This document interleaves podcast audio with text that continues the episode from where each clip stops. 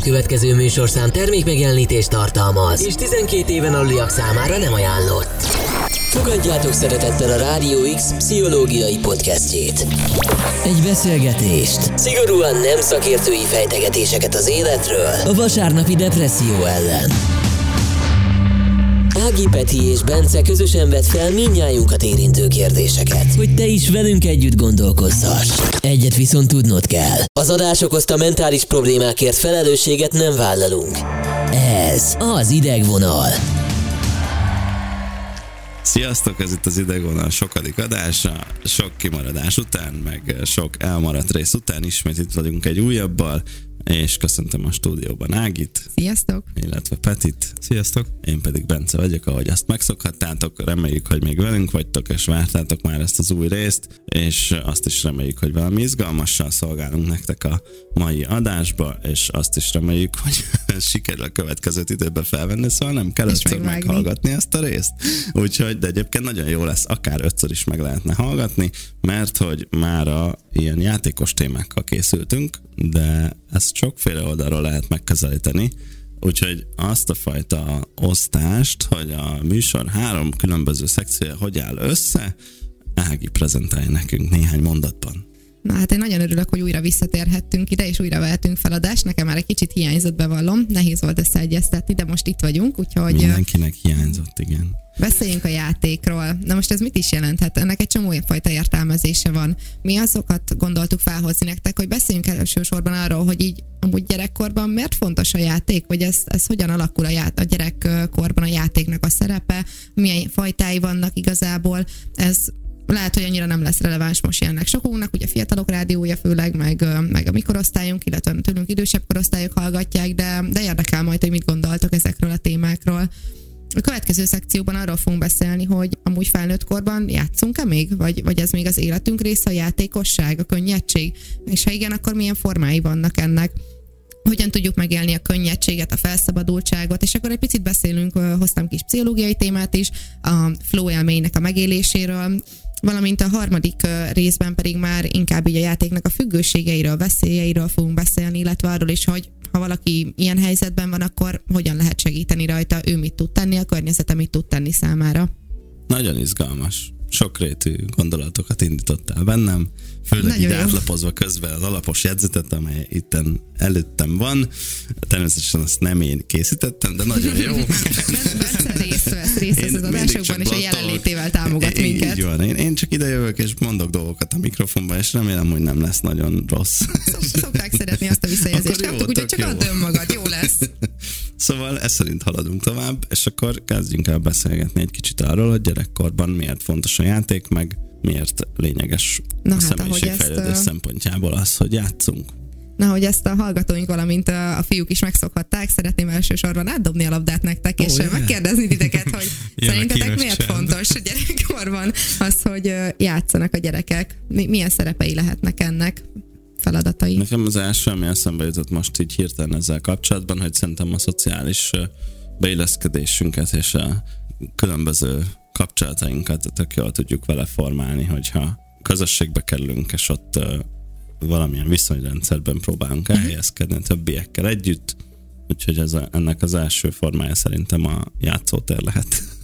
Teljesen, teljesen jó megközelítés. Ugye a játéknak az alapvető célja és feladata az, hogy a segítse a gyerekeket beilleszkedni a társadalomba és a szabályokat elsajátítsák, megértsék a feladatokat, építsenek, létrehozzanak, alkossanak. Na de Peti, téged is ezért meghallgatunk, ne, ne, nehogy itt a dolgokat. Főleg arra a részre van, hogy még kisgyerek vagy kisbabaként nagyon fontos, hogy az ilyen különböző ügyességi, uh-huh. kézügyesség, motoros funkciók, akár a világ megismerése, színek elsajátítása, hangok. Tehát ugye azt mondják, hogy gyerekkorban nagyon fontos, hogy minél több inger érjen, uh-huh. mert akkor, akkor tudsz gyorsan vagy jól fejlődni, és szerintem ezekre a játékok tök alkalmasak. Tök jó, tök jó, amiket mondtok. Ugye, a, amikor gyerekként elkezdünk játszani, akkor az elsődleges lépés az, hogy megismerjük a körülöttünk lévő világot, feltérképezzük, egyrészt a tárgyakat megismerjük, embereket ismerjük, meg állatokat ismerjük, meg ugye a tanulásnak is tök nagy szerepe van a játékban, a játékos tanulás ez egy nagyon szuper dolog, mert sokkal könnyebbé teszi, és a játékról még azt kell tudni, hogy az egy spontán kialakuló tevékenység, aminek az egyetlen célja az örömszerzés. És szerintem ez tök érdekes lesz, amikor később arról beszélünk, hogy felnőtt korban ez, ezt hogyan éljük meg, vagy hogyan nem éljük meg most már. Hmm. De, de igen, nagyjából erről lenne szó. Igazából vannak a játékoknak, a gyerekkori játékoknak különböző életszakaszok szerint különböző típusai is. Vannak, amik konstruktív játékok, amik arra szolgálnak, hogy építsen a gyerek, létrehozzon, és ez igazából emellett azt is segíti, hogy a finomotorikus tevékenységeit fejlesz a gyerek, oh, tehát igen. hogy hogyan tudjon írni, megtanulni később, Meg hogyan tudjon megfogni. Is, így hiszem. van, így van. Tehát ugye neurális pályákat fejleszti ez a játék is. Vannak a szerepjátékok, amiket először még mondjuk babákkal, játékokkal, tárgyakkal, katonákkal, autóval játszanak. Peti már nagyon mosolyog, ez egy másfajta szerepjáték most. Ebben most nem menjünk bele. Most, tudjuk, hogy szoktunk erről is beszélni, most nem fogunk erről, kivételesen. Oh. De igen. Ó, oh. oh. igen. Szent Peti igen. De hogy ennek az a célja igazából, hogy a, az interpersonális kapcsolatokat tanulják meg a gyerekek, hogyan kell barátokkal együttműködni, másokkal együttműködni, mi a szerepeket, mert ugye az életünk során különböző szerepeket veszünk fel. Leszünk barátok, leszünk párkapcsolati tagok, leszünk szülők, leszünk alkalmazottak, leszünk főnökök, leszünk segítők, csomó minden, csomó minden leszünk, és itt kezdjük el megtanulni ezeket illetve vannak a szabályjátékok, amik talán a felnőtt korunkban maradnak meg a leginkább a társas játékok formájában. Ezek a szabályjátékok tényleg a társasokra vonatkozik, ahol így az okokozati viszonyokat, a következményeket tanulják meg, itt a kompetitív éneket, illetve a kooperációs feladatokat tudják elsajátítani a gyerekek, és ennek mind az a lényege, hogy megtanuljanak szabályok szerint élni, ami ugye sajnos, vagy nem sajnos, de az életünket felnőtt korunkban is befolyásolja. Ez így van. Nem tudunk vele vitatkozni. Ezt szokták mondani, amikor hirtelen nem tudnak következő témát bedobni a fiúk, de van valami Igen. más téma, vagy hasonló téma, ami, ami most felmerült bennetek. Hmm. Nekem az jutott eszembe közben, hogy én már régen is nagyon érdeklődő voltam például a kártyajátékok iránt, de, de, de hogy tényleg ilyen, nem tudom, három-négy évesen vannak ilyen képek rólam, hogy így néztem, ahogy játszanak a felnőttek, és hogy ez tök érdekes, hogy szerintem biztos majd a műsor egy későbbi részében visszatérünk erre, hogy miért érdekes, de hogy érdekes, hogy van, aki lehet, hogy fogékonyabb bizonyos uh-huh. dolgokra, mint más dolgokra. Uh-huh. Meg ugye vannak, akik mondjuk felnőttként egyáltalán nem szeretnek társasozni. Uh-huh. Lehet, hogy ők gyerekként se szerettek, vagy lehet, hogy gyerekként még szerettek, de aztán megváltoztak. Vagy nem társasoztak. Vagy, vagy nem társasoztak uh-huh. egyáltalán. Vagy például van, akinek nagyon jó élményei vannak ezzel, van, akinek kevésbé jó élményei vannak ezzel. Szóval mm, azért uh-huh. így... Alakítja a személyiségfejlődésünket, az érdeklődési körünket, az utunkat nagyon sokféle hozzáállás van, hogy úgy mondjam, mm. nem ez a jó szó, de hogy...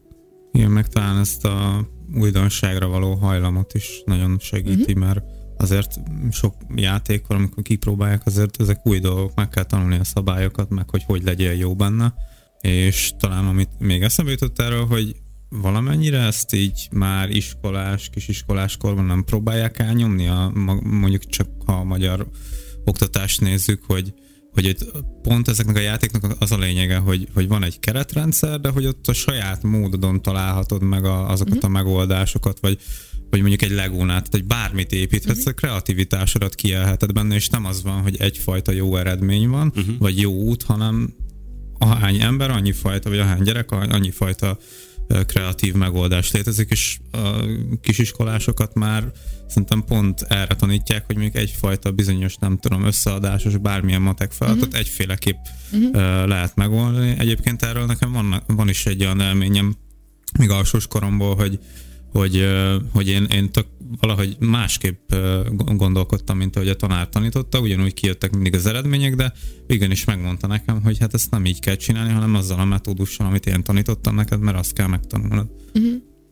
Abszolút, abszolút lehet ez is benne van, hogy, hogy mivel így inkább ilyen már nagyon kicsikortól kezdve így a, mind az iskola, mind a szülők is inkább már felnőttként akarják kezelni a gyereket, és a gyereknek igazából teljesen más dolgokra van szüksége még akkor. Tehát a, az agyunk az gyakorlatilag 25 éves korunkra fejlődik ki teljesen, tehát hogy nem lehet úgy kezelni egy gyereket, mint egy felnőttet, de mégis ezekkel a kemény, szigorú szabályrendszerekkel, keretrendszerekkel, mintha már így elkezdenék beskatujázni a, a gyerekeket. Abszolút, meg, meg már ilyen hat éves korba akadémiai pályára kezdik el uh-huh. sőt már, már előtte is nevelni a gyereket, mert hogyha nem jut be egy jó általános iskolába, uh-huh. akkor nem tud majd gimnáziumba menni utána, és a többi, a jó gimnáziumba, jó gimnáziumba, Így jó van. egyetemre, és aztán jó egyetemre. Ez nekem is az élményem például, hogy én általános iskolában én még szerintem nagyon szükségem lett volna, hogy játszak, hogy barátokkal töltsek időt, mert én egyke vagyok amúgy, és akkor például egy csomó játékelményemet én egyedül éltem meg. Tehát ilyen babákkal egyedül játszottam, egyedül legóztam többször, vagy nem, előfordult az is azért, hogy másokkal, de ugye a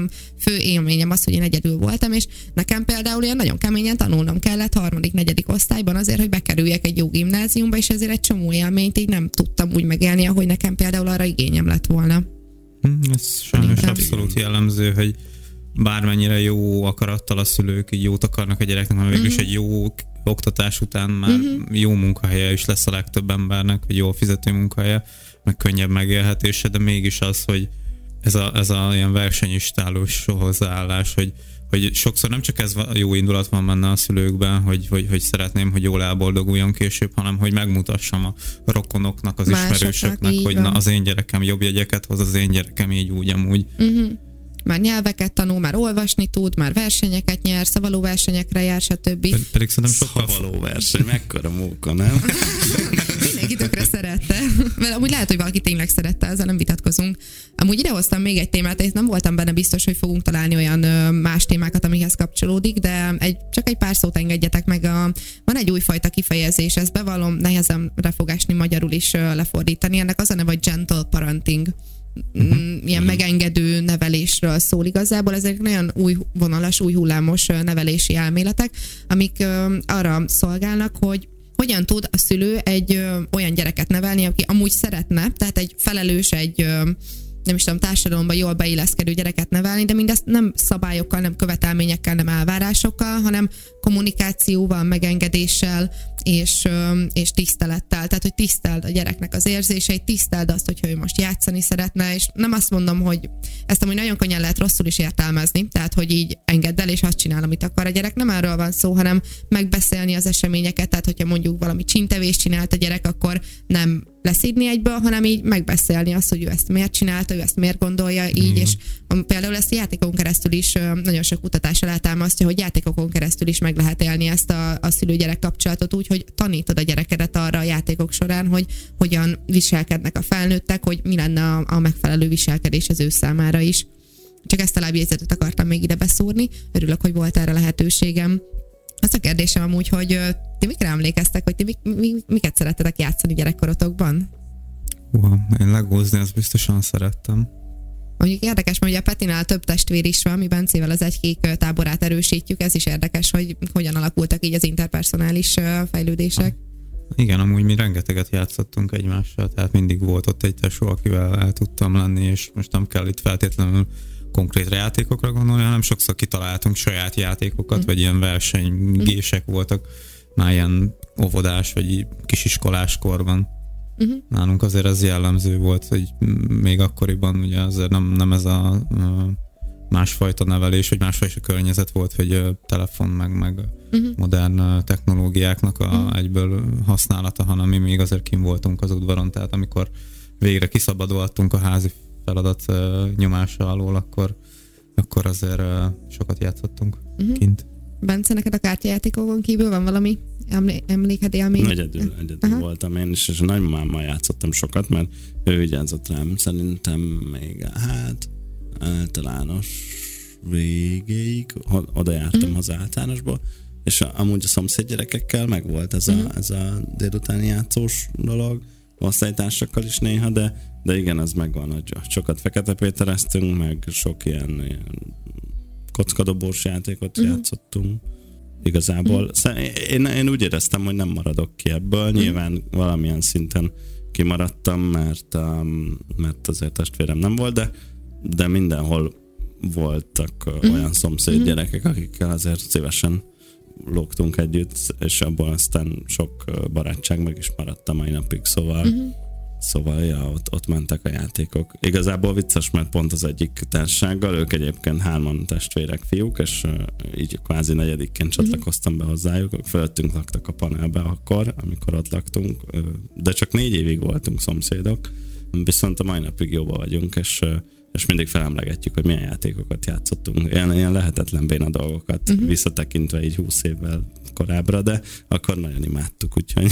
Ez, ez mi lehetett, ez a lehetetlen béna ja, dolog? Ilyen, ilyen kezdeti számítógépes játékokat aha, aha. is játszottunk, aha. vagy egy kicsit már átérjünk a következő témánkra is, és, és, és nagyon nagyon gagyin néztek ki, meg nagyon gagyi mhm. feladatokat kell uh-huh. benne csinálni, de tökre élveztük, hogy uh-huh. ott nyomkodjuk. Ott Igen. Ja. Nekem olyan élményeim vannak, hogy amikor már iskolába kerültem, meg ez az általánosra jellemző, hogy mi nagyon sokszor ilyen ilyen, ezeket a szerepjátékokat játszottuk, hogy akkor most eljátszottuk, hogy mi most nem tudom, tündérek vagyunk, vagy mi most az elemeket tudjuk irányítani, vagy ilyesmi, és ezeket arra emlékszem, hogy ezeket ilyen hosszú heteken, hónapokon keresztül így, így játszottuk, mert mindig megvolt az az időszak, amikor kiengedtek az udvarra, hogy azt csinálja, amit szeretnél, és akkor mindig azonnal visszarázódtunk a szerepünkbe, és akkor folytattuk ott, ahol abba hagytuk igazából, majd tértünk vissza a valóságba, így az iskolának a világába.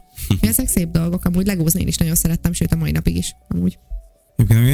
Eszembe jutott, és érdekes lehet, hogy te ugye mondtad, hogy sokat játszottál egyedül, viszont én meg így belegondolva, és szinte soha nem játszottam egyedül, mert mindig volt valamelyik tesóm ott körülöttem. Mm-hmm. És lehet, hogy amúgy ez is hat valamennyire az ember személyiségére, vagy mhm. fejlődésére később, mert lehet, belegondolva én nem tudom, nehezebben veszem az olyan kreatív feladatokat, amiket egyedül, csak egyedül kell mm. megoldanom, amit mondjuk talán te mm. könnyebben veszel így is. Igen, de nem tudom, én például úgy voltam vele, hogy én meg mindig annyira vágytam volna, hogy mással játszak, hogy így valahogy nem alakult ki ez az autonómia. Tehát játszottam, mert már mit csináljak, de hogy annyira nem volt, én úgy emlékszem, hogy nem volt az a legélvezetesebb számomra. Mm.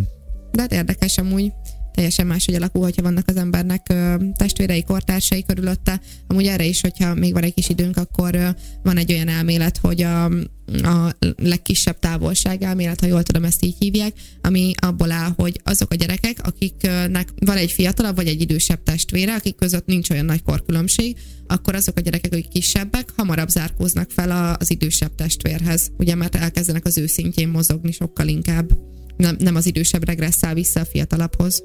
Nem úgy, ez tényleg így lehet. Igen, meg akkor az ilyen pozitív hatással is van a fiatalabb, fiatalabb testvérekre. Hogy fel, felhúzzák az idősebbek.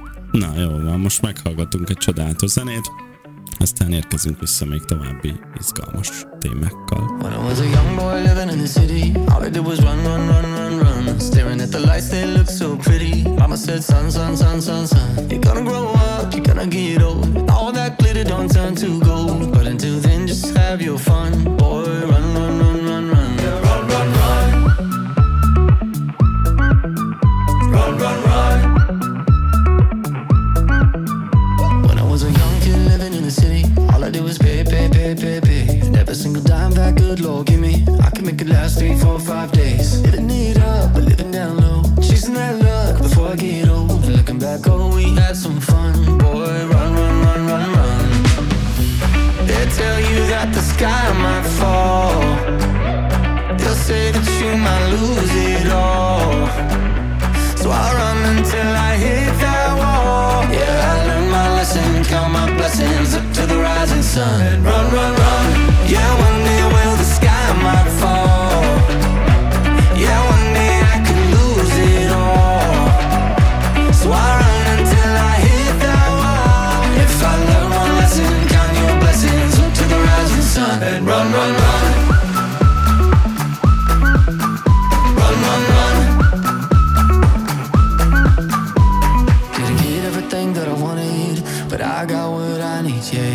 see that light in the morning shining down on me. So take me up high, take me down low, bear it all in somebody knows. But until then, let's have some fun. Yeah, run, run, run, run, run. They tell you that the sky might fall. They'll say that you might lose it all.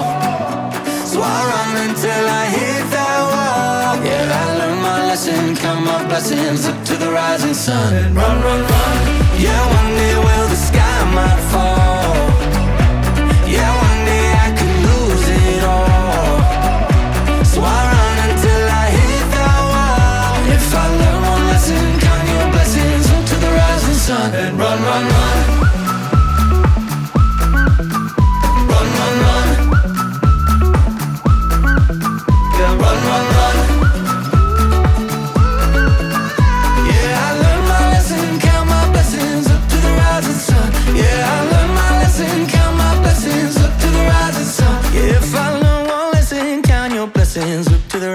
son, yeah, run, run, run.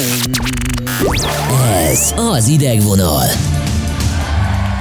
Zeneszünetből visszatérve, itt vagyunk a következő blokkal, és arról fogunk beszélgetni, hogy felnőtt kori játéknak milyen szerepe van, miért jó, miért nem jó, esetleg hogyan ismerhetjük kicsit meg magunkat, mi ez a flow élmény, ilyesmiről. Talán a hangomban nem hallatszik, de rohadt lelkes vagyok, szóval... Nem, de lá- nem is látszik. nem hallod, nem látszik, de hajrá. Igen, de nagyon, nagyon lelkes vagyok, már nagyon rég vártam ezt a témát. Én is nagyon amúgy. Azért szólok hozzá ilyen. Na, tényleg, tényleg, egyébként, tényleg vártam. És akkor bedobnám az első kérdést, hogy ti jelenleg játszotok valamivel rendszeresen? Na? Most csupa olyan dolog jut eszembe, amit itt most mind ki kéne vágni, úgyhogy inkább el sem mondom. Ági. De valamit mondj. Jó, mondok valamit majd. Jó, hát nekem a játék az jelenleg a Képzeljétek el, hogy én amúgy nem voltam soha olyan számítógépes játékos, nyilván szimszeztem, mint mindenki abban a korosztályban, ilyen 15 éves korig, kb. vagy 16. Viszont nekem utána volt egy tök nagy szünet ebben, és én nem fedeztem fel azt, hogy amúgy így a, a PlayStation világában milyen csodálatos dolgokat lehet játszani, és ez nekem felnőtt koromban egy ismerős hatására jött el, hogy amúgy én, én, én, én úgy tökre szeretek kockolni ez az is. egész világ kimaradt mostanáig, és most itt van. Mármint, hogy neked, Aha. ja. Igen, de hogy nekem ilyen tök nagy világok maradtak, mert igazából én csak azokat a játékokat szeretem játszani, ahol így oda mehetsz, ahova akarsz, akkor csinálsz meg valamit, amit akarsz, tehát nem szeretem a kompetitív játékokat, meg, meg így az egymás ellen, vagy egymás csapatjátékokat se így online, hanem én tényleg én csak mászkálni szeretek, gyűjtögetni, ilyesmi így ezekben a játékokban, úgyhogy nekem én ezeket mondanám, amiket így megszerettem így mostanra felnőtt korra illetve így a baráti társaságokon keresztül a társasok világát is most kezdtem el felfedezni, mert nekem például egy családomban ez így annyira nem volt jelen, és, és amúgy tök sok tök jó, izgalmas társasjáték van, úristen, mennyi minden, még mindegyiket ki kéne próbálni nekem is, és például tökre szeretek társasozni is már. Na hát ez nagyon érdekes egyébként, több gondolat is eszembe jutott közben, csak ki a szívacs agyam elfelejtette. szóval, de hogy... Most de, éppen nem nálad van az agysejt. Igen, igen az az egy darab agysejt, az valaki indugrál az utcán. ja, de hogy de igen, ez, ez egy érdekes, érdekes felvetés, hogy felnőttként milyen felfedezni mondjuk a társasjátékokat. Én, én nagyon régen játszottam már olyan igazán érdekes és jó társasjátékkal, hogy egy már kipróbálnék egyet valami újat, mert a legnagyobb klasszikusokat azokat ismerem, meg így szívesen játszok velük, de hogy uh-huh. biztos vannak ilyen újabbak, uh-huh. amik... Hát igen. Vannak. vannak. Megszólalt a szakértő. igen, igen. Úgyhogy, hát csak úgyhogy... mondok, egy fun fact Petivel kezdődik. Na, gyerünk. Körülbelül évente 5000 új társas játékot adnak ki. Jó, de annak a, a a, a szisztémája, meg a, a logikai viszonyrendszer, amiben gondolkodsz, az körülbelül három vagy négy. Jó, nem, nem de túlzás. Sokkal, sokkal, nem, most már azért... De, hogy jó, több, több tucat. De, az 5000-nek mondjuk a jó része hasonló valamilyen módon, de jó, nyilván nagyon sokféle van, csak hogy most mondtam valamit, hogy 3-4, nem 3-4 nyilván, hanem 3-400, ami, ami tök jó. Csak hogy, ja így, nem tudom, belefuthatsz mondjuk egy nagyon hasonlóba az egyik után. Vagy nem? Hát igen, azért vannak hasonló jellegű játékok, de alapvetően van vagy több tíz fajta játékmechanizmus, és uh-huh. minden egyes játékban ugye különböző módon keverik ezeket a mechanizmusokat, yeah. és ugye emel, emellé még rájön az, hogy milyen tematikát választanak, milyen képi világot jelenítenek meg. Szóval nyilván van valami ismétlődés, tehát hogyha bizonyos fajta játékokat szeretsz, akkor tudsz belőle sok jót találni, de, uh-huh. de azért, azért mindegyik különbözik amennyire. Yeah. Na, tök jó. A, na, e, ennyire vagyok benne a társasjátékokban, hogy ilyen laikus szar megjegyzéseket teszek. Igen. De hogy kipróbálnék egy csomót, pont azért, mert hogy nincs meg ez az input mostanában így az életemben, és hogyha ráérnék, akkor biztos, hogy foglalkoznék ezzel is.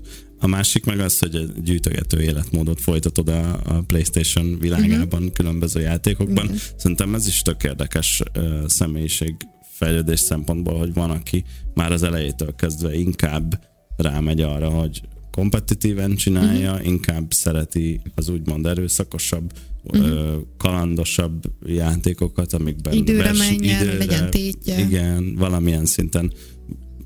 Tehát, hogy kevésbé az, hogy elkalandozol uh-huh. egy világba, és felfedezed azt, hogy milyen egyébként az, szerintem az, nagy- az érdekes. Én például az autós játékokat is régen tökre szerettem, uh-huh. úgy, hogy ha lehetett benne szabadon menni. Most már csak beülök a kocsiba, és megyek szabadon.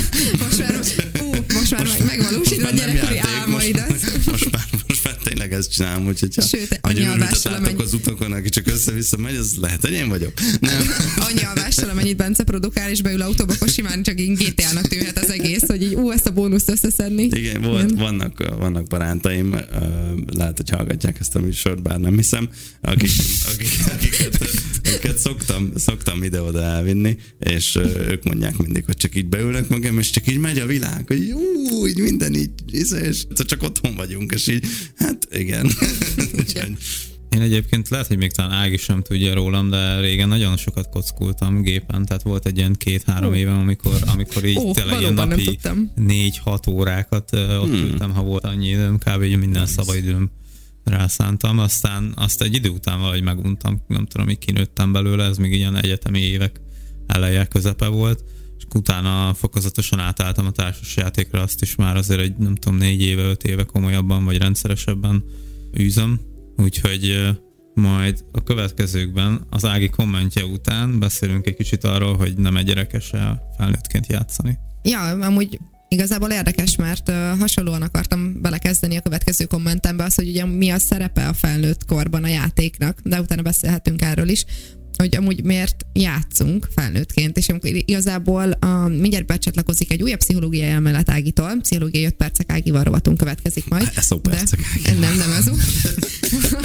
Amúgy most már lassan, mert most már tanulnak Na. a manifestálásra, meg a horoszkópokról, úgyhogy, úgyhogy lassan. Ági képzi magát. Légy én itt- küldtek én már üzenetet, hogy legyen, köszi, köszi.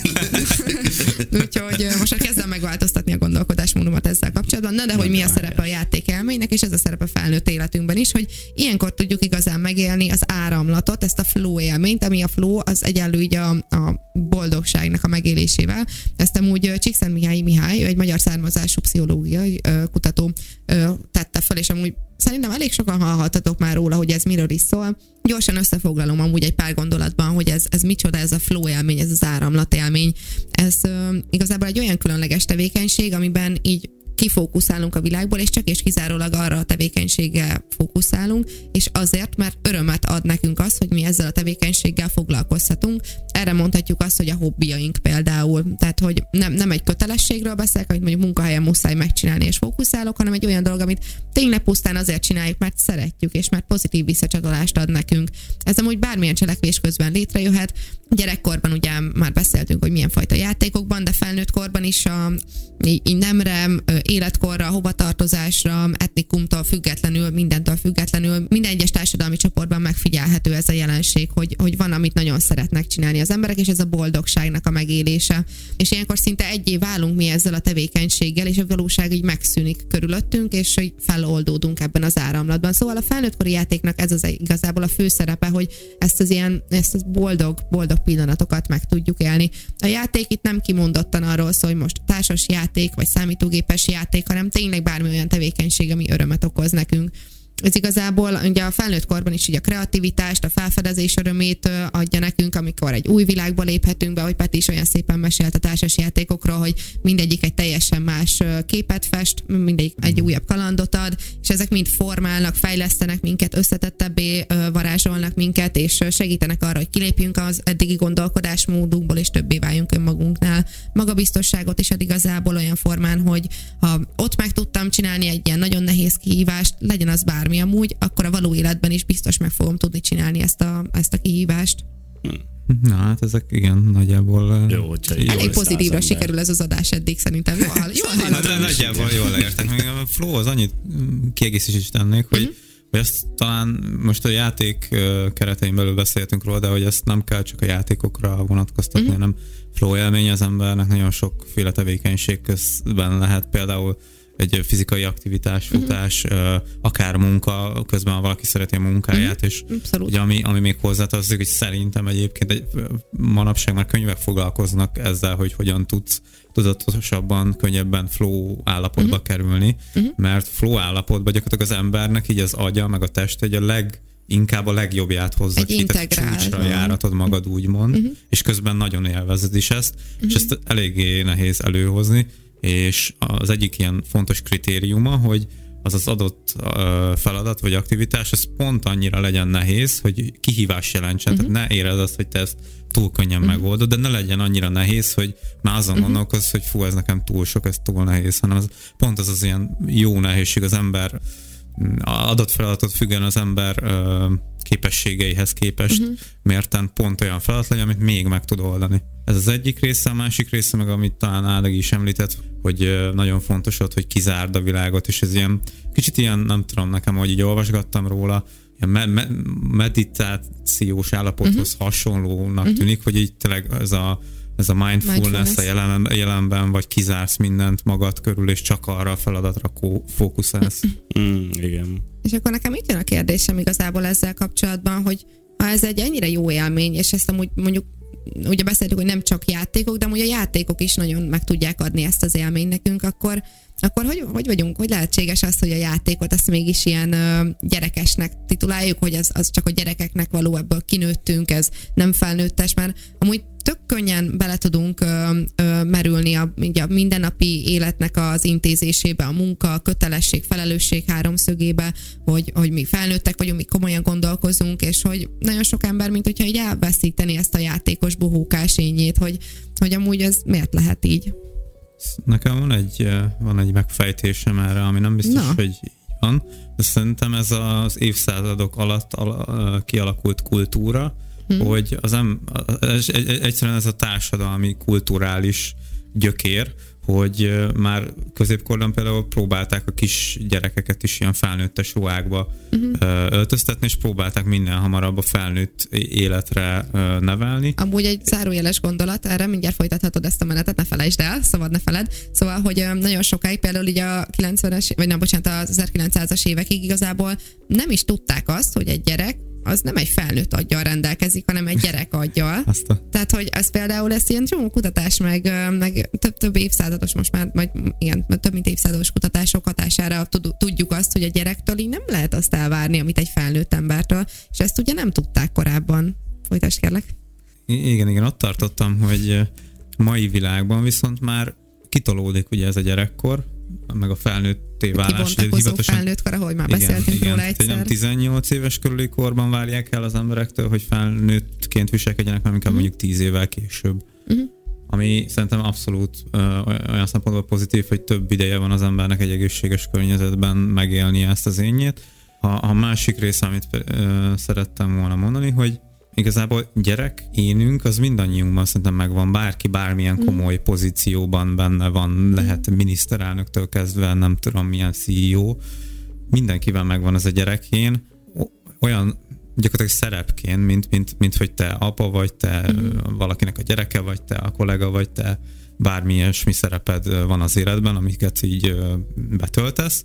Emiatt pont szerintem fontos, hogy a gyerek éneddel is foglalkoz, és a játék az gyakorlatilag erre való, hogy a, a kicsit a kreativitásodat, a szabadságodat ki tud élni, mert gyakorlatilag a, a játék az tét nélkül csinálhatsz olyan dolgokat, egy adott feladat vagy megoldandó mm, dolog, elő, dolog közben, amit, amit amúgy a való életben nem mernél megtenni.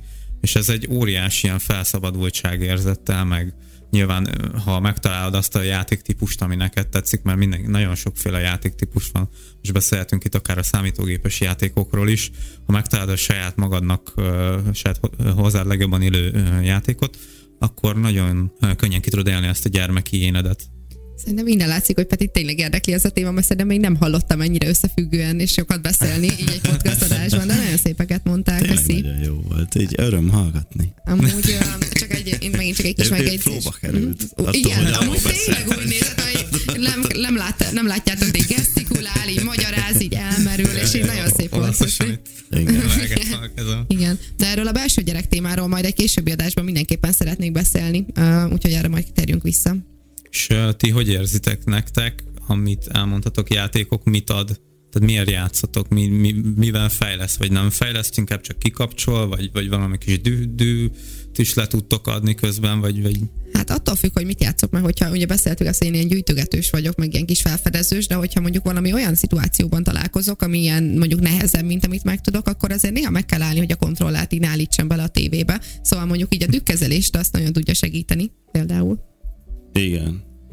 Én közben végig a flow élménynél így a lejátszót néztem, és hogy nekem igazából a zenélés olyan néha, nem mm. minden alkalommal, de, de mondjuk sokszor, ha azt játszhatom, amit szeretek, szerdán 11-kor, Kis reklám. akkor, akkor, akkor, akkor az, az tud olyan lenni, hogy, hogy én is így elmerülök benne, meg így élvezem, meg, meg talán a hallgatóság is jó esetben. Um, legalábbis merem azt hinni, hogy legalább néhányan. Ami tök jó, mert ha már ez megtörténik, akkor már megvan a célja a programnak Szóval tök jó. Um, de, hogy, de hogy játékok közben is simán előfordulhat. Eszembe jutott az is, amikor, amikor anyukám mondta még évekkel ezelőtt, amikor még rendszeresen jártak teniszezni, most már csak ritkábban járnak, um, hogy, hogy neki például a tenisz olyan, hogy, hogy ott így az nem egy ilyen megterhelő sport, meg így nem, nem egy ilyen állandó fókuszt igénylő dolog azon a amatőr szinten, amin ők uh-huh. csinálták, azon főleg nem. De, de hogy neki az olyan volt, hogy azt akkor csak a labda van, és akkor azt ütni kell, és tök jó, és aztán kizónol egy órára, és akkor nem foglalkozik uh-huh. semmi mással. Nekem néhányszor előfordul ilyen a futással, például, hogyha jól uh-huh. megy, akkor azt így elkezdem élvezni, és akkor ott is még megyek. Főleg szól a zene. Megyek, és igen, megyek még extra, nem tudom mennyit, hogy, hogy most ez pont jó. És, és akkor... nem is érzed, hogy fáradt vagy egyébként. Ja, az hát azért érzed. nem tudom, de, de nekem ez pont az az állapot, amikor de, így nem érzem ja, rossznak, ja, hogy igen, fáradok. Igen, igen, igen, azt nem. Ja. Úgyhogy de simán előfordulnak akár, akár kockolós játékok közben is jó jó ilyen szakaszok, amik, amik igazán kikapcsolóak. Én, én azzal kapcsolnám ezt össze, hogy, hogy mhm. amikor mm. ilyen jó érzést csinálni, meg így kellően megterhel, de azért nem fáraszt el annyira hamar, bármi is legyen az, az valamilyen szinten segíteni a regenerációdat, hogy kiszakadja az állandó hétköznapokból, vagy hogy mondjam. Szóval, hogy kicsit így onnantól már nem is játék, hanem rekreáció, vagy nem is tudom. Uh-huh hogy jó szó ez így, vagy jó párhuzam mm. ez így, de én egy kicsit így eh, élem meg. Abszolút van szerintem ez az oldala is. Nekem amit, amit ad, mert én főleg ilyen gondolkodósabb stratégiai játékokkal játszok, ilyen egy, két, három, négy óraig is eltartat egy, egy játék. Ezekben inkább azt élem ki egyrészt ezt mérnökként a, a szabadságot, hogy tényleg így a, a hányféle stratégia, a, amit én szeretnék, a, annyiféle módon próbálhatok meg játszani egyrészt, Másrészt, amiben nagyon jó, hogy így fókuszáltan probléma megoldásra tanít, hogy van a játék végén egy cél, mert uh-huh. én azért szeretek nyerni, én kompetitív vagyok alapvetően, és, Igen, azt tudjuk. és erre, erre, ebben nagyon sokat segít, hogy, hogy mindent annak a célnak alárendeljek, és az legyen végig a szemem előtt, olyan szempontból nézem meg az adott részfeladatokat, vagy rész egységeket a játékban, hogy a végén nekem úgy jön ki, hogy minél magasabb pontot mondjuk elérjek. Nem a részvétele fontos, hanem a győzelem. Nem meg a szándék, az, hogy... nem a részvétel, hanem a szándék. hanem a győzelem. Kinek mi. De igen, nem, én csak vicceltem. Nyilván a részvétele fontos, de az az alapszabály. De, Persze, hogy, de hogy utána meg a Alapvetően mind, mindegyik ilyen játéknak az az alapja, hogy tök, olyan szempontból tök mindegy, hogy nyersz, vagy vesztesz ja, a végén, de egy vesztes sportján is a jó társaságban, vagy élvezed alapvetően a tevékenységet, és te is összegyűjtesz egy bizonyos pontszámot, mondjuk hiába leszel utolsó, de mondjuk magadhoz képest legutóbb rá jobb voltál, az, az is egy ugyanolyan jó élmény. Én pont ezt akartam mondani, hogy a társasokat igazából én nem feltétlenül maguk miatt a társas játékok miatt ö, ö, szeretem, hanem azért, mert így közösen, közösen tudunk játszani másokkal, és így úgy is közösen tudunk időt tölteni. Nekem abszolút így a szociális hatásai vannak ilyenkor előtérben.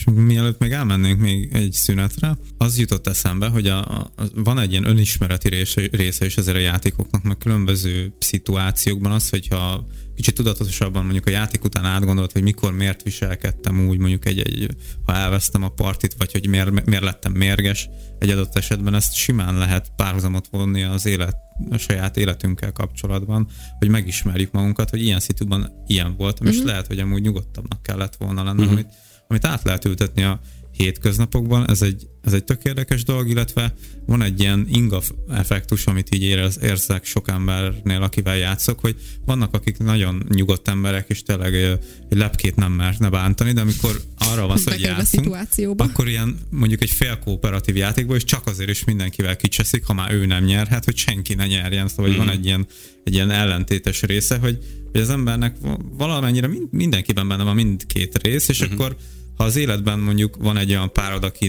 nagyon jól együttműködtök, nagyon jól megvagytok, akkor mondjuk egy ilyen játék alkalmával egymásnak lehet esni, minden sérülés. És... Kielni az összes sérelmet. Igen, igen, és akkor így az inga kicsit átleng, aztán, aztán ha vége a játéknak, akkor vissza a hétköznapi életbe. És egyébként érdekes módon ez megvan pont fordítva is, hogy mondjuk ha van egy olyan ember, aki olyan munkája van, hogy nagyon sok stresszéri, vagy családja, vagy bármi mi- miatt, akkor, akkor az meg pont, hogy az ilyen nyugodt játékokat, együttműködős, amikor tényleg végre igen, így igen. ezt a részét tudja kiélni.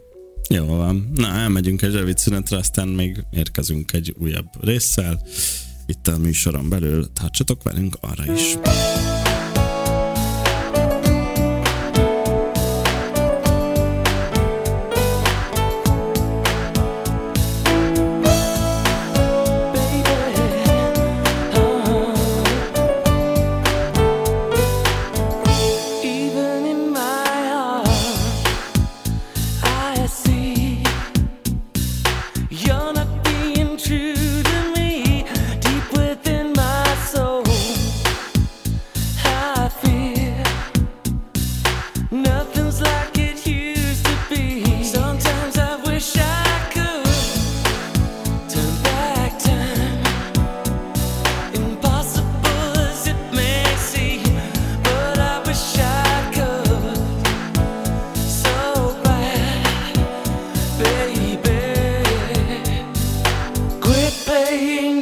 Idegvonal.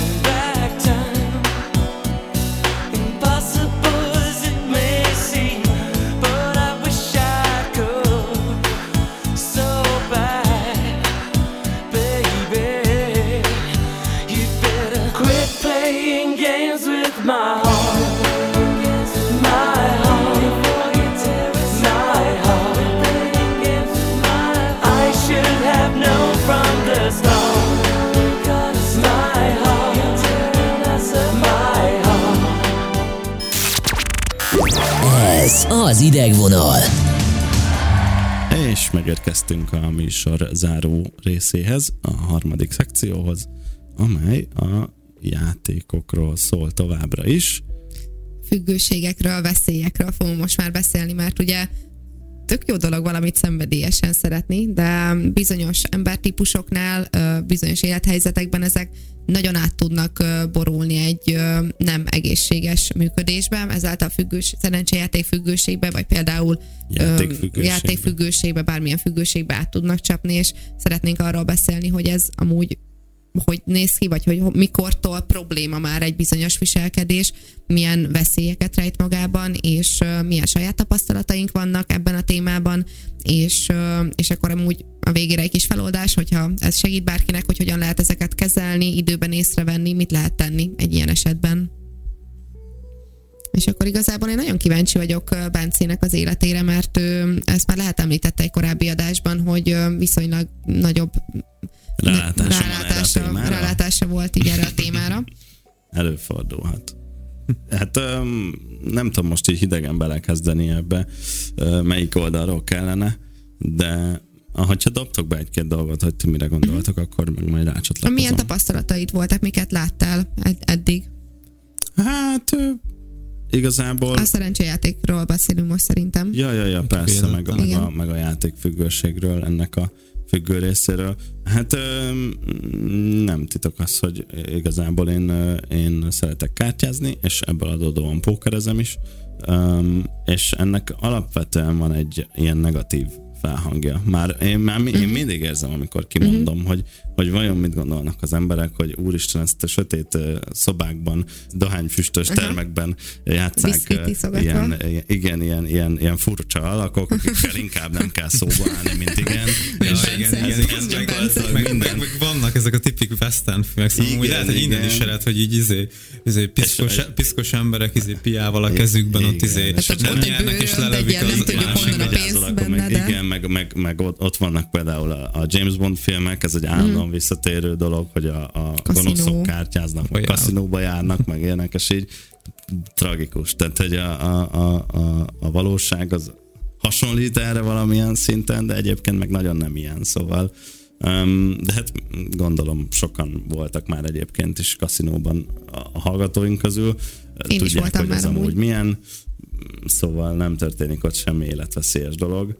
Um, nyilván tud, de nem, nem mindennapi, hogy, hogy megtörténjen, szóval ugyanannyira tud, mint bárhol máshol. Hmm. Úgyhogy uh, ja, de, de, de olyan szempontból meg életveszélyes dolgok történnek ott, hogy tényleg azért bele lehet, bele lehet esni a játékba azon a szinten is, hogy valaki függő lesz, meg pénzügyi szinten is, ami, uh-huh. Ami nagyon veszélyes. Szóval vannak például osztó ismerőseim is, akik, akik dolgoznak ilyen helyeken. Mármint akik, akik a játékot vezetik effektív, De mondjuk egy rulettasztalnál, vagy egy kártyaasztalnál. Ők azért látnak olyan sztorikat, hogy hogy emberek megérkeznek a kaszinó elé BMW-vel, aztán két hét múlva már csak egy Opel-el, aztán már csak egy biciklivel, és uh-huh. aztán már bicikli nélkül jönnek, uh-huh. vagy, vagy nem is jönnek egyáltalán. Uh-huh. Szóval vannak ilyenek, és nyilván ez, ez, ez nem jó, meg, meg vannak erre a módok azért, hogy, hogy ezt hogy lehet elkerülni. Bár szerintem ott már nagyon nehéz, ha már benne van az ember, úgyhogy én igazából mondom, láttam ilyet, de sose éreztem magamat veszélybe ilyen uh-huh. szinten, szóval ez érdekes, hogy ez uh-huh. mi múlik. Szerintem van, aki erre hajlamosabb, van, aki kevésbé. Abszolút, Én arra hajlamos vagyok, hogy például engem az érdekel, meg szeretem, meg foglalkozok vele, de például arra mondjuk szerintem valamennyivel kevésbé vagyok hajlamos, hogy ész nélkül elkezdjem beszórni a pénzem oda. Olyan dolgokban, amikből például tudom, hogy nem fog működni. Tehát, hogy a, a, nagyon érdekes jelenség például az, egyszer, egyszer karácsonykor nem volt mit csináljunk az egyik gyerekkori barátommal, és ő is egyke, meg én is, és elmentünk, hogy akkor, hogy akkor szétnézzünk, hogy hát mi van ilyenkor nyitva, 24-én éjszaka, hát semmi, hát a kaszinó az nyitva van. Jó, menjünk oda. Tele volt, de hogy olyan Aha. szinten tele, hogy így sorokban Aztán. álltak az emberek, és mindenki ütötte a gépeket, és így néztük, hogy így 24-én azért oké, okay, hogy nyitva van, meg hogy így nekünk is ez az egy program jutott eszünkbe, hogy mit lehet ilyenkor csinálni, nyilván tele van emiatt, de hogy nagyon-nagyon meglepődtem, hogy mennyire sokan vannak ott. Akik, vannak, akik együtt vannak ott, hogy így Család? Csinálták a családi vacsorát, meg nem tudom, és akkor, és akkor így többen vannak legalább. Uh-huh. Szóval, hogy ilyen, ilyen kisebb társaságokat véltünk felfedezni, és akkor ott verik a gépet, meg rakják a uh-huh. zsetont jobbra-balra. Um, mindenki azt csinál, amit szeret, persze, semmi gond nincs ezzel, csak hogy uh, nekem az egy ilyen meglepő dolog volt, uh-huh. hogy, hogy egy egyébként uh, nulla játékélménnyel szolgáló gépbe hogy lehet 24-én este betölteni százezreket, annak reményébe, hogy majd akkor jobban fogja kiadni, vagy nem tudom. Tehát, hogy Aha, érdekes könnyű hozzászokni ahhoz a jelenséghez ebben az egészben, hogy, hogy befektetsz valamennyit, és aztán jóval többet ad vissza.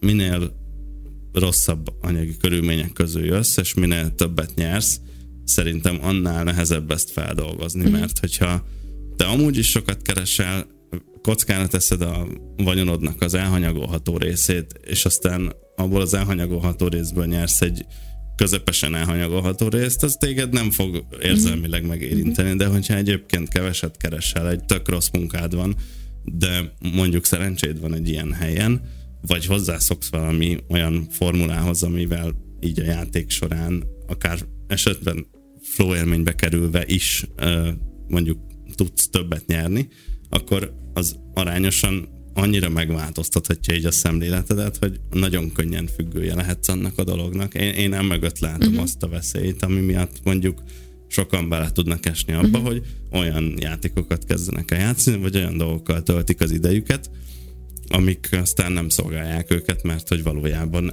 egyébként rossz az idő és pénzbefektetése az egésznek, és ezáltal végül is csak veszteségként, uh-huh. vagy veszteségeket könyvelnek el benne hosszú távon, szóval úgy látom, most Bence került flóba. Igen, hirtelen egy gondolatom lett, és ez csak a 3 a amit elmondtam, úgyhogy szóljatok hozzá egy kicsit ti, és aztán Jé. majd még becsatlakozom. köszi, köszi szépen, Bence, hogy ennyire részletesen meséltél, szerintem sokunk számára ismeretlen ez a világ, úgyhogy köszi a betekintést. Ja, hát ez nagyon ilyen fel, amikor meg, megsimogatod így a késsel a vaj tetejét, ez kb. olyan volt. Dedikálhatunk egy adást is a későbbiekben, amúgy már biztos, biztos nagyon sok érdekes dolgot tudsz még elmondani. Szerintem, ami még ide kapcsolódik, az az, hogy amúgy csak beszéljünk arról, hogy amúgy ez mikor történik meg a játékfüggőség, tehát hogy mi, mi az a pont, amikor már valaki játékfüggő igazából, mert nagyon könnyen bele tudunk biztosabban menni, hogy jaj, hát a, a Bence szeret pókerezni, akkor ő biztosan nem, szerintünk nem az, meg ő szerinte sem játékfüggő, hanem, hanem nézzük meg, hogy mik azok. Amúgy nem tudom igazából, szóval ki tudja. Nem, most már ezt befejezhetnénk, mert mennem kell, jó? Na, de igazából az akkor van, de nem, mert itt vagy, és az első tétele annak, hogy, hogy valaki játékfüggő, hogy képtelen abba hagyni a játékot.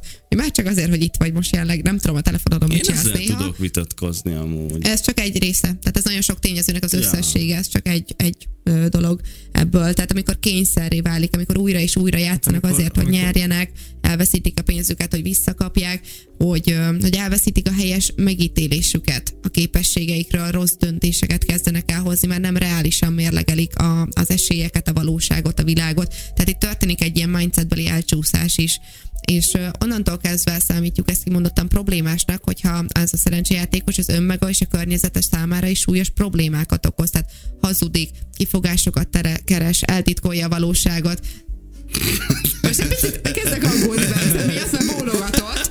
Tehát eltitkolja a valóságot, eljátsza a havi keresetet például, a, a vagy család. Többet. Vagy még több.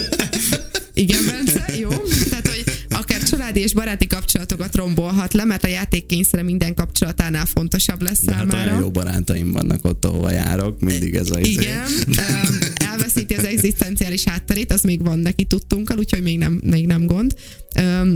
Eljátsz a létfenntartáshoz szükséges pénzét is, Bence még szokott enni néha, úgyhogy megvan benzin az Na, autójában, szóval nem tudjuk. Mondjuk van most világít, Igen, meg. van autója még, tehát hogy ö, amúgy én amikor megismertem, egy jobb autója volt, de...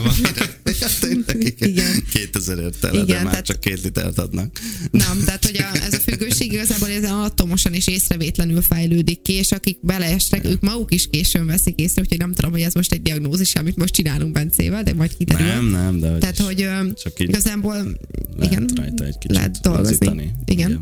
Jó, és akkorról tekintünk, akkorról tekintünk betegnek egy játékost, amikor már konkrét életvitelbeli problémákat okoz ez számára, tehát hátráltatja a munkáját, a tanulást, rombolja a családi kapcsolatait. És a, amikor ez, ezt az illető, ő már önmaga számára nem tudja kontrollálni, tehát ő már elveszítette a kontrollt, és uh, amúgy ennek a kialakulásához mondtad, hogy nem tudod, hogy mitől lesz feltétlenül ilyesmi, ennek genetikai és uh, személyiségbeli tényezők is hozzájárulnak. Tehát például a függőségnek is a tehát a függőség, ugye, hogyha az a játékfüggőség csak egy dolog, lehet a kémiai függőség, lehet pszichológiai függőség, lehet játékszerencsejáték függőség, és annak, akinek például a családjában többször előfordult bármilyen alkoholfüggőség, alkoholizmus, dohányzás, nem tudom, droghasználat akár, vagy bármilyen fajta függőség, akkor ők például nagyobb veszélyben vannak arra is, hogy ha ezek nem lennének elegek, akkor még játékfüggő is lehet belőle igazából.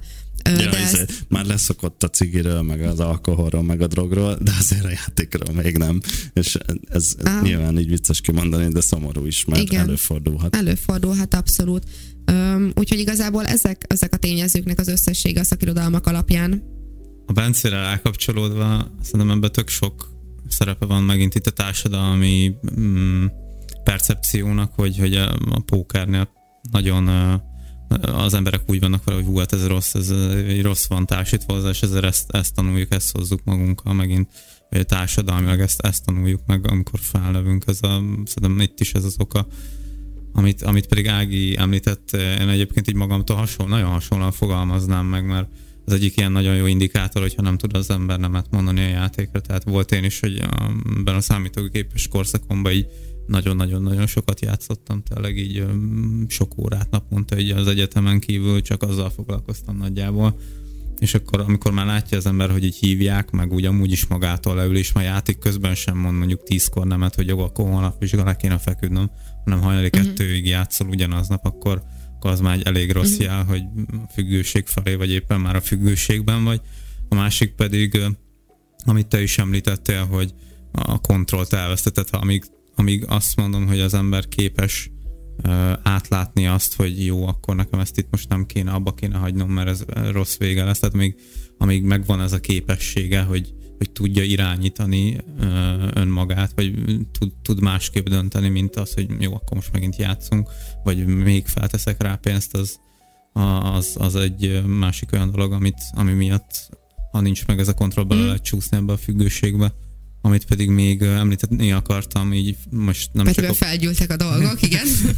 a, a, a póker, illetve szerencsejátékkal inkább ezekkel kapcsolatban, hogy itt is azért megvan sok esetben ez a tendencia, hogy a társadalmilag, társadalomban alacsonyabb jövedelmi, kicsit rosszabb állapotú, vagy rossz, rosszabb társadalmi státuszúnak mondott emberek élnek ezekkel a játékokkal, akiknek mondjuk kevesebb pénzük is van, ami valószínűleg azért lehet, mert, mert talán azok az emberek így ezt látják ilyen nagy esélynek, hogy így kitörjenek mm. abból, a, abból a státusz vagy helyzetből, amiben, amiben vannak.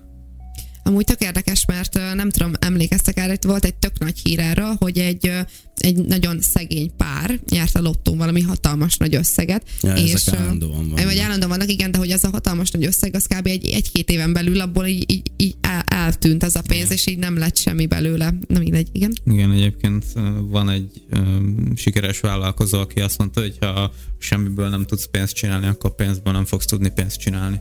De jó gondolat. Hmm. Így lehet. Na, és akkor uh, mi az, amit... Uh, bocsánat. Ja, igen. igen. Hogy most bezárjuk ezt a remek műsort. Azzal, hogy valami jó, igen, pozitívval zárjunk. Na, gyerünk, itt vagyok. Na. És akkor igazából mi az, amit lehet tenni ilyen esetben, hogyha valaki önmagát vagy egy ismerősünket kapjuk rajta, hogy más már kezdte elveszíteni a kontrollt, meg igazából már az így... egészet a, ké- a feketére. Jó, Peti. Téged kihívott. Na igen, és az akkor... Nem igen. Um, hát a, amit ilyenkor mindig el szoktunk mondani, pszichológusi segítség, mert ehhez bizony pszichológusi segítség kell, mert az, hogyha valaki elkezdett egy függőségbe belemenni, legyen az akármilyen fajta függőség, amiket az előbb felsoroltam, akkor ezt csak és kizárólag terápiával lehet segíteni. Az erre kimondottan célszerű terápia, ez a kognitív viselkedés terápia, ami abból áll igazából, hogy hosszabb időt tölt egy pszichológussal, vagy inkább komolyabb pszichoterapeutával az illető, és ez azt jelenti, hogy azért lett valaki függő, mert rossz sémái vannak, rossz megküzdési mechanizmusai vannak. A szakirodalom ezt maladaptívnak nevezi azt, ami nem megfelelő az, él, az, ember, az egyén számára. És, és akkor a, a terápia során igazából ezeket a rossz sémákat feloldják, és behelyettesítik új, jobb megküzdési mechanizmusokkal. Tehát ez egy verbális módszer, igazából beszélgetésen alapul, és, és ez módosítja, segít módosítani a gondolkodásmódot, viselkedést, ami a problémához vezetett. Tehát tulajdonképpen így a világunkat mi így a saját megélt tapasztalatainkon keresztül látjuk és alakítjuk, és ezek a saját tapasztalataink, ezek nem voltak mindig mindenkinek pozitívak, vagy jók, vagy, vagy olyanok, amik segítik a boldog élethez, vagy a teljes élethez vezető utat és, és a terápia során így ezeket a gondolkodásmódunkat próbáljuk meg átalakítani, illetve be, beilleszteni önmagunkba, hogy egy teljesebb életet éljünk. Köszönöm, ennyit szerettem volna mondani. Na, hát ez szóval Bence, küldök egy pár linket pár pszichológussal, és akkor majd én játszom amúgy sportpszichológusnál is egyébként a poker miatt, szóval én, én, én így közelítem meg ezt a dolgot, Aha. úgyhogy... De akkor te dolgoztál rajta? Ja, ja, ja, abszolút, igen. Mert egy, abban nagyon nehéz feldolgozni azt, hogy úgy szorod bele a pénzt, hogy nem vagy benne biztos, hogy jól csinálod. És uh-huh. még akkor is, hogyha azt mondják neked, hogy jól csinálod, bukhatsz. És lehet, uh-huh. hogy te tényleg jól csinálod, és ugyanúgy csinálod, mint aki nyer, de attól még a végeredménye nem ugyanaz. És uh-huh. ezt nagyon nehéz feldolgozni. Úgyhogy különösen veszélyes. Meg a sport és a, uh-huh. és a nem, nem sportszerű, hanem függőségszerű megközelítéssel nagyon közel tud állni egymáshoz, vagy hogy mondjam. Úgyhogy Ja, ne, ne is menjünk bele ebbe, mert véget ért ez a remek műsor. Um, Megúsztad. Még erről beszélünk majd szerintem uh-huh. egy másik adásba, még szerintem az online játékokról is uh-huh. tudunk beszélni Ez egy csomót, meg most. egyébként az szerintem ismeretes a hallgatóink egy része számára, mert hogy a metában is valamilyen szinten erről beszélgetnek, legalábbis az online játékokról. Úgyhogy hallgassátok azt is hétfőnként, meg minket is vasárnap. még egy kicsit játékosabb vasárnap. formában is tudunk még erről beszélni. Így van. Úgyhogy köszönjük szépen az elheti figyelmet. Sziasztok! Hello, hello. Sziasztok! Ez az idegvonal.